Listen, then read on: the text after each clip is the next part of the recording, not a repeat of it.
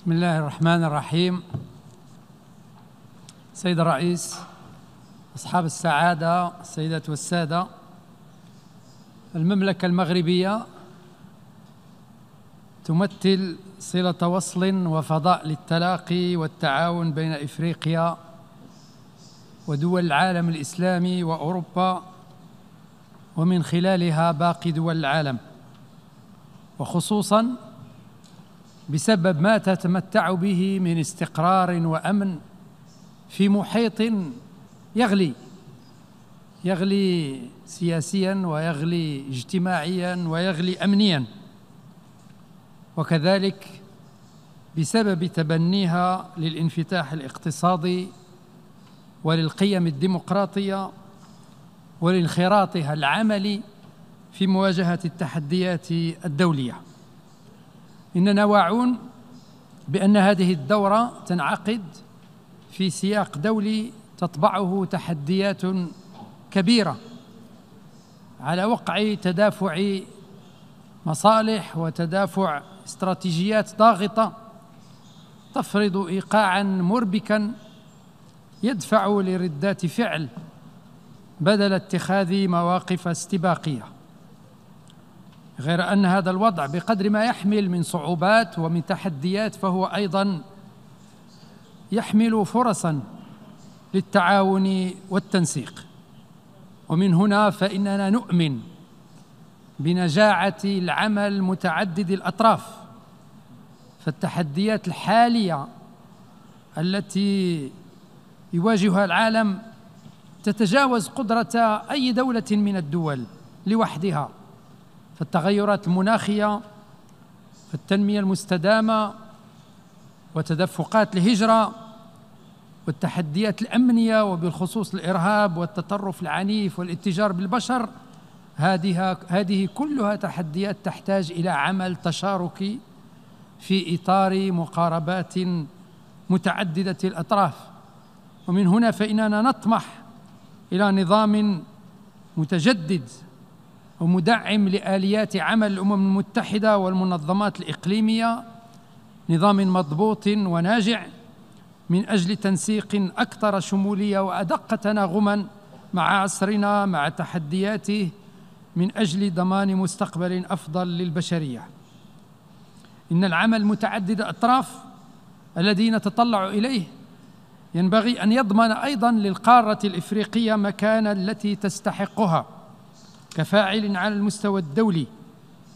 ولذلك ما فتئ جلالة الملك محمد السادس ينادي من هذا المنبر أن تولي منظمتنا أهمية قصوى للقارة الإفريقية ولنهضة إفريقيا بما تحمله هذه القارة من طموحات وبما تتوفر عليه من فرص.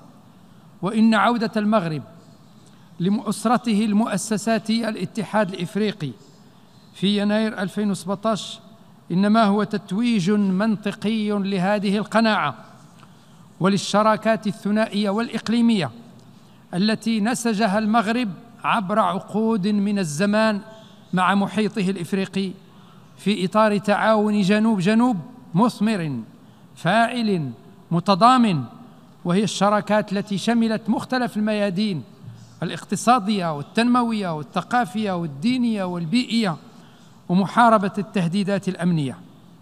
كما خصصت المملكة المغربية ثلثي استثماراتها الأجنبية المباشرة لإفريقيا كثاني أكبر مستثمر إفريقي في إفريقيا. وشجعت المملكة المغربية القطاع الخاص على إنشاء مشاريع بإفريقيا وعلى نقل التكنولوجيا ومواكبة الاقتصادات الإفريقية. وباعتباره عضو عضوا موقعا على اتفاقية إنشاء منطقة التجارة الحرة الإفريقية يبقى المغرب مقتنعا بأن هذه الاتفاقية ستفتح افاقا واعدة للاقتصادات الإفريقية جاعلة من القارة أكبر أسواق التجارة الحرة في العالم. حضرات السيدات والسادة تكمن قوة العمل متعدد الأطراف في قدرته على التأقلم مع المستجدات وتسريع معالجة التحديات. المستوى الأول من تلك التحديات يتعلق بمواجهة التهديدات الأمنية بما فيها الإرهاب من خلال إرساء تعاون فعلي عمليات متعدد الأوجه. وفي هذا السياق يندرج عمل المنتدى العالمي ضد الإرهاب الذي يتشرف بلدي بمشاركة رئاسته مع هولندا منذ سنة 2016 وإن إسناد هذه الرئاسة المشتركة لبلدي يشكل اعترافا بمجهودات التي يبذلها في هذا المجال حيث طور استراتيجية شاملة متعددة الأبعاد تستنبط روحها من الاستراتيجية العالمية للأمم المتحدة ضد الأرهاب وتدمج الجوانب الثقافية والجوانب الدينية والجوانب الاجتماعية والجوانب الحقوقية مع الجوانب الأمنية. تلكم الاستراتيجية الوطنية التي وسعت امتدادها على على المستوى القاري حيث وضع المغرب تجربته بتوجيهة سالم سامية من جلالة الملك أمير المؤمنين رهن إشارة أشقائه من الدول الصديقة. أبدأوا رغبتهم في الاستفادة من التجربة المغربية ومن الخبرة المغربية الفضلى من أجل تأمين تكوين الأئمة تكوينا دينيا. مفعما بمبادئ التعايش المشترك والانفتاح والوسطية والاعتدال. أما المستوى الثاني فيتعلق بمشاكل الهجرة التي تعرف تفاعلا وتنسيقا بين مختلف الدول من منطلق أنه ليس بإمكان أي بلد أيا كان أن يتصدى بمفرده لتحدياتها ولا أن يقدم إجابات شاملة شافية لإشكالاتها. والمغرب كان سباقا على المستوى الإقليمي في تبني سياسة وطنية للهجرة إنسانية في فلسفتها شاملة في مضمونها واقعية في طريقتها مسؤولة في منهجيتها. وعلى أرض المغرب بمدينة مراكش تمت المصادقة ولأول مرة في تاريخ الأمم المتحدة على العهد الدولي للهجرة في شهر ديسمبر من 2018 كوثيقة مؤسسة للحكامة في مجال الهجرة. لم يكن الهدف منها إعطاء دروس أو توجيه اتهامات بقدر ما هو استحداث نظام تعددي يقوم على رؤية مشتركة يجد فيه كل طرف مصالحه دون وصف عنصري دون صور نمطية دون مصالح ضيقة. رؤية ترسي حكامة أكثر اجتماعية وأكثر إنسانية وأكثر عدلا أساسها الشعور بالمسؤولية المشتركة. وبهذا أضحى ميثاق مراكش مرجعية دولية للعمل متعدد الأطراف في مجال الهجرة. يستوجب علينا جميعا العمل جاهدين على تفعيل مقتضياته. وقد تكرس التزام المغرب بقضايا الهجرة باختيار جلالة الملك محمد السادس ملك المغرب قائدا إفريقيا في قضايا الهجرة. وبنفس الالتزام تم الاتفاق بين المملكة المغربية ومفوضية الاتحاد الإفريقي على إنشاء مرصد إفريقي للهجرة بمدينة الرباط عاصمة المملكة المغربية لمتابعة الظاهرة بالتحليل الموضوعي واستقصاء نظراتها المستقبلية بطرق علمية. حضرات السيدات والسادة وعلى المستوى الثالث المتعلق بالتغيرات المناخية يشكل احتضان المغرب لقمة العمل حول تغيرات المناخ في 2016 كوب 22 مثالا آخر لانخراط المغرب في التصدي لانعكاسات هذه الظاهرة المهددة لمستقبل البشرية. إن هذا الالتزام يروم إعادة التركيز وتعبئة جهود المجتمع الدولي لكسب رهاناته الكبرى وخاصة في قارتنا الإفريقية. وفي هذا الصدد أسفرت القمة الإفريقية الأولى المنعقدة على هامش الكوب 22 تحت الرئاسة الملكية الفعلية إلى تأسيس وتفعيل ثلاث مبادرات متخصصة في المناخ لتمكين الدول الإفريقية من التنسيق في أحسن الظروف لمواجهة التحديات المناخية بوصفها تحديات جادة وحقيقية تواجه العالم. ومن هذه المبادرات مبادرة الاستدامة والأمن والاستقرار المختصرة في مبادرة 3 SS التي يرأسها المغرب بصفة مشتركة مع السنغال. وهي مبادرة تهم أربعة عشر دولة إفريقية وتروم تقديم إجابات عملية مندمجة لثلاثة تحديات كبرى من خلال استصلاح مساحات واسعة من الأراضي عشرة ملايين هكتار وتوفير حوالي مليوني فرصة شغل تضمن لسكان هذه المناطق الاستقرار والعيش الكريم. وعلى المستوى الرابع المتعلق بالتنمية البشرية والمستدامة فإن النظام متعدد الأطراف المفتوح على الخصوصيات الذي يراعي اختلافات الدول والجهات ينسجم كليا مع أهداف التنمية المستدامة. فخطة 2030 للأمم المتحدة تعتبر مقاربة مندمجة تمنح الفرص أمام الدول لتطوير خططها الخاصة في إنجاز أهدافها التنموية بما يعزز التعاون الفعال والملائم فيما بينها. وواعيا بأهمية تحقيق الأهداف على المستوى الوطني أطلق جلالة الملك محمد السادس دينامية إعداد نموذج تنموي جديد في المغرب. يهدف إلى تحقيق العدالة الاجتماعية والمزيد من تقليص الفوارق بين الفئات والمناطق وبناء اقتصاد أكثر تطورا يدخل المغرب نادي الدول الصاعدة. وعلى المستوى القاري توجه المملكة نداءً لتثمين مؤهلات إفريقيا لتحقيق أهداف التنمية المستدامة. ويجدد المغرب العزم على مضاعفة الجهود من أجل إرساء تعاون جنوب جنوب فعال ومتضامن لفائدة التنمية المشتركة لقارتنا إفريقيا. حضرات السيدات والسادة إن النظام متعدد الأطراف الذي نتوق إليه يتمثل كذلك في تعزيز حفظ السلم والأمن الدوليين المهمة الرئيسية للأمم المتحدة التي ترمز لالتزام المجموعة الدولية بواجب الأمن الجماعي. ويعد الحفاظ على السلم والاستقرار بعدا راسخا في الرؤية الملكية تتجسد من خلال دعم تدابير عملية. فقد التزم المغرب منذ استقلاله بدعم جهود الأمم المتحدة في حفظ السلام من خلال المشاركة في خمسة عشر عملية حفظ السلام عبر العالم في أربع قارات وفي ظروف صعبة. وتعززت هذه المشاركات خلال العقدين الأخيرين بإرسال عدة وحدات من القوات المسلحة الملكية للمساهمة في عمليات حفظ السلام خصوصا في جمهورية الكونغو الديمقراطية وجمهورية إفريقيا الوسطى.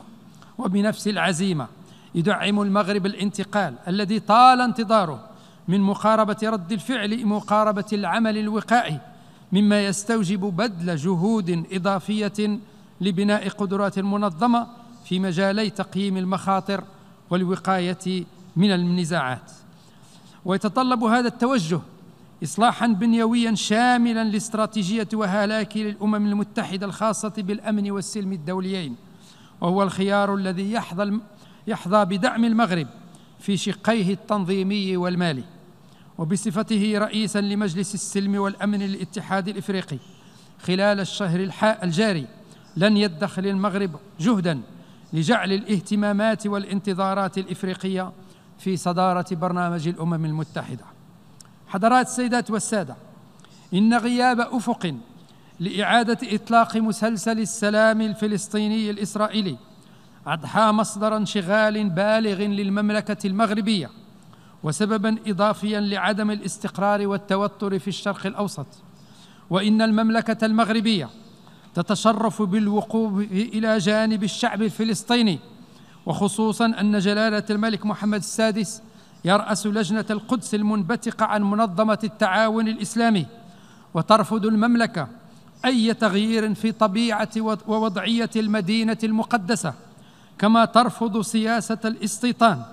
ونحن مقتنعون أنه لا يمكن أن يكون هناك سلام عادل ودائم دون ممارسة الشعب الفلسطيني حقه المشروع في إنشاء دولته المستقلة. وعاصمتها القدس الشريف. حضرات السيدات والسادة إن العمل متعدد الأطراف ليس فقط بنية تنظيمية للعلاقات الدولية بل هو أيضا حالة ذهنية وهو ما يحفز بلادي للوقوف ضد خطاب الكراهية والعنصرية ورفض الآخر الذي يتعارض بشكل خطير مع القيم المتعارف عليها وفي صدارتها العيش المشترك واحترام الكرامة الإنسانية والتعددية. إن المغرب المعتز بهويته العريقة متعددة الروافد لم يتردد في التصدي لخطاب الكراهية والإسلاموفوبيا التي تعد نواة لانتشار التطرف العنيف بكل أنواعه. فبتبي فبتبين فبتبن من تسعين دولة عضو بالأمم المتحدة بادر المغرب باقتراح قرار صادقت عليه الدولة الدورة 73 للجمعية العامة بالإجماع تحت عنوان محاربة خطابات الكراهية وتعزيز الحوار بين الأديان والثقافات. وقد جسدت هذه المبادرة دور التعاون متعدد الأطراف في مد جسور التسامح والحوار بين الأديان والثقافات. ولا يفوتني في هذا المقام التذكير بالزيارة التاريخية لقداسة البابا فرانسيس الأول إلى المغرب في مارس من هذه السنة وما شكلته من رمزية قوية بشأن الإسهامات الوازنة للمغرب في مجال تعزيز الحوار الديني والحضاري. وبمناسبة هذه الزيارة قام أمير المؤمنين جلالة الملك محمد السادس بصفته رئيسا للجنة القدس المنبثقة عن منظمة المؤتمر أو التعاون الإسلامي وقداسة البابا بالتوقيع على نداء مشترك حول القدس يؤكد المكانة الروحية الخاصة للمدينة كملتقى للديانات التوحيدية ورمزا للتعايش والسلام والوئام حضر السيدات والسادة من منطق إيمان المغرب الراسخ بحقوقه التاريخية والقانونية والسيادية يسعى بجدية إلى إيجاد حل سياسي ونهائي للنزاع, المفتعل حول الصحراء المغربية. علما أن هذه القضية تندرج في إطار استكمال الوحدة الترابية للمملكة التي تعد سيادتها الكاملة على أقاليمها الجنوبية مسألة غير قابلة للمساومة على الإطلاق. فكل دولة من حقها ومن واجبها أن تدافع عن مواطنيها وسيادتها وعن وحدة وسلامة أراضيها وهو مبدأ يلتزم به المغرب في سياسته الخارجية. وتجدد المملكة المغربية التأكيد من هذا المنبر على أن مبادرة الحكم الذاتي التي اعتبرها مجلس الأمن منذ 2007 في مختلف قراراته مبادرة جادة وذات مصداقية هي الحل, الحل لوضع حد نهائي لهذا النزاع المفتعل.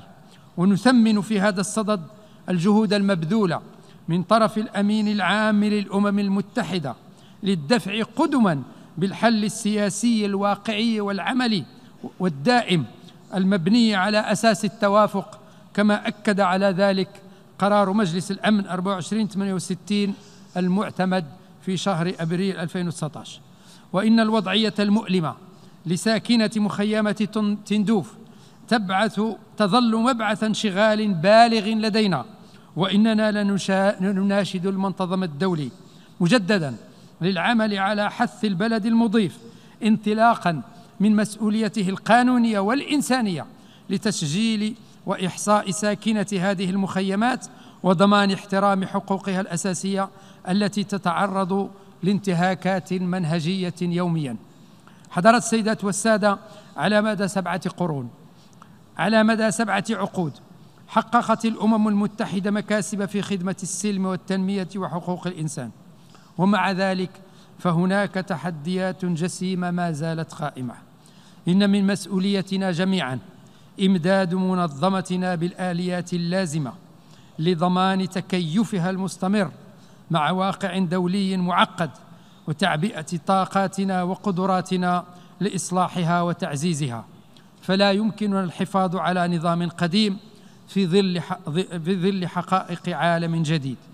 وبالمقابل بدل مهاجمة أسس النظام متعدد الأطراف بهدف إضعافه من الضروري تقويته بمزيد من التطوير تمهيدا للانتقال إلى نظام عالمي أكثر عدلا وانصافا وإنسانية وتضامنا عالم لا يمكن تصوره انطلاقا من فهم سطحي للواقع أو عبر تصور تقني للمخاطر أو بفرض تصور أحادي لسلطة معيارية بل يمر عبر عمل متعدد الإطراف يتميز بكونه متجددا يأخذ بعين الاعتبار اختلاف الفاعلين وتعدد التحديات.